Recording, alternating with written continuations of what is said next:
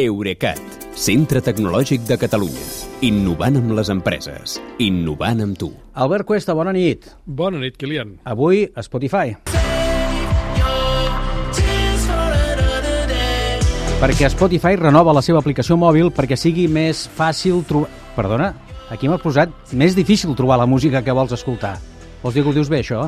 Uh, ells no ho expliquen així, és clar, però és el que he posat perquè és el que n'he tret de la presentació de novetats que han fet fa una estona a Los Angeles. Que Més difícil centre... trobar la música que vols. Sí, sí, sí. Aviam, a, a la nova versió de l'aplicació, les recomanacions de contingut per escoltar que et fa un algoritme agafen, jo trobo que agafen encara més presència sobre la selecció voluntària de l'usuari.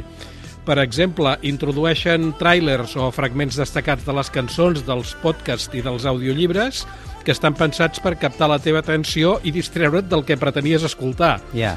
També creix la visibilitat dels videoclips que complementen les cançons i els creadors podran publicar podcasts de vídeo a qualsevol lloc sense haver-los de posar, com fins ara, a la plataforma Anchor pròpia de Spotify. Uh, Spotify també promociona una funció que es diu DJ, DJ, que és Sí. una mena de locutor personal amb veu sintètica, vull dir que és, una, és un robot, Sí. que et va posant música i podcast segons el, el que ell suposa que t'interessa. Ja. Ara com ara, això continuarà disponible només als Estats Units.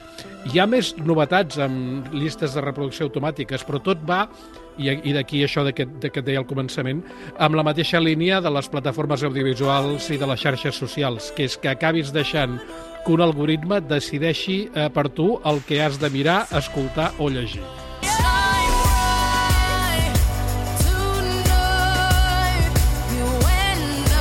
També dius que Spotify comença a semblar un híbrid entre Instagram i Amazon.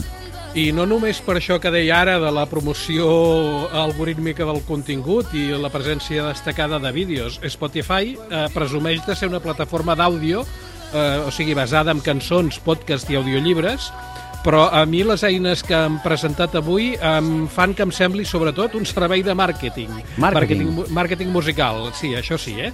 Per una banda, els artistes hi poden vendre marxandatge de les seves samarretes, diguéssim, i entrades pels seus concerts però també hi poden contractar publicitat per fer que una cançó seva surti més sovint a les recomanacions o a les llistes de reproducció temàtiques, que això de fet ja passa amb les llistes de productes d'Amazon. No? I afegeixen funcions noves com eh, el que en diuen compte enrere, que són els dies que falten i les hores que falten i els minuts que falten fins que publiques la teva pròxima cançó i aleshores l'aplicació t'avisa quan arriba el dia i et proposa que l'escoltis. Ja. Uh, a veure, això del màrqueting és que més de 500 milions d'usuaris en 100, més de 108, 180 països, dels quals 200 milions paguem mensualment quota premium, són un mercat, som un mercat molt llaminer.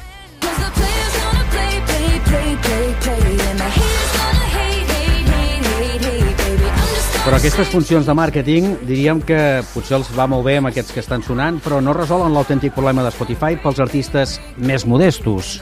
Uh, no, veure, Spotify pot presumir d'audiència de moltíssims milions d'audicions de les cançons, de que porta generats més de 40.000 milions de dòlars per la indústria musical, de que l'any passat hi va haver 57.000 artistes que van recaptar-hi més de 10.000 dòlars, però jo trobo que continua sent una de les plataformes de streaming que remunera pitjor els artistes i a sobre ho fa de manera injusta, perquè la majoria de les quotes que peguem als usuaris, qui se les emporta són les grans estrelles, encara que no les escoltem mai. Ja. Uh, jo trobo que el més just seria que si jo escolto sobretot o els Pets, o Manel, o Ginestar, per dir tres, uh, mira, els Pets, Sí. uh, els meus 10 euros mensuals se'ls repartissin aquests tres, però amb la pràctica el que passa és que els meus euros, 10, 10 euros mensuals i els de tots els altres 200 milions que paguem acaben anant sobretot a Beyoncé, a Rosalia o a Jennifer López.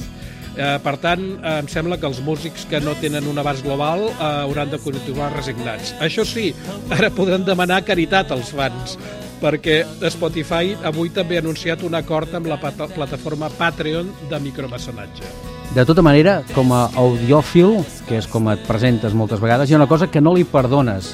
Em sembla que algunes altres tampoc, però aquesta no li perdones realment a Spotify. Sí, és que saps què passa? A mi m'agrada escoltar la música, però a més m'agrada escoltar-la bé. I amb la presentació d'avui no han dit ni piu d'una modalitat d'àudio en alta resolució que ja van anunciar gairebé, fa gairebé dos anys i que és un servei que ja tenen pel mateix preu plataformes rivals com Apple Music, Amazon Music i Tidal. Per tant, ella seria la que menys qualitat de so del mercat dona, vist la competència? Efectivament, és aquesta. Vull dir que si ens hi quedem serà... Totes tenen els mateixos 100 milions de cançons, més o menys, però el que ens costa de marxar de Spotify és que hi tenim les nostres llistes de reproducció allà. Molt probablement sí. Bé, doncs escolta'm, moltes gràcies per la llista d'explicació d'avui. Fins demà, que vagi bé. Bona nit, Kilian, fins demà. Tant se val.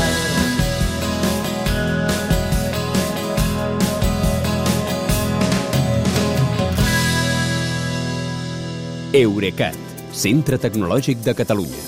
Innovant amb les empreses. Innovant amb tu.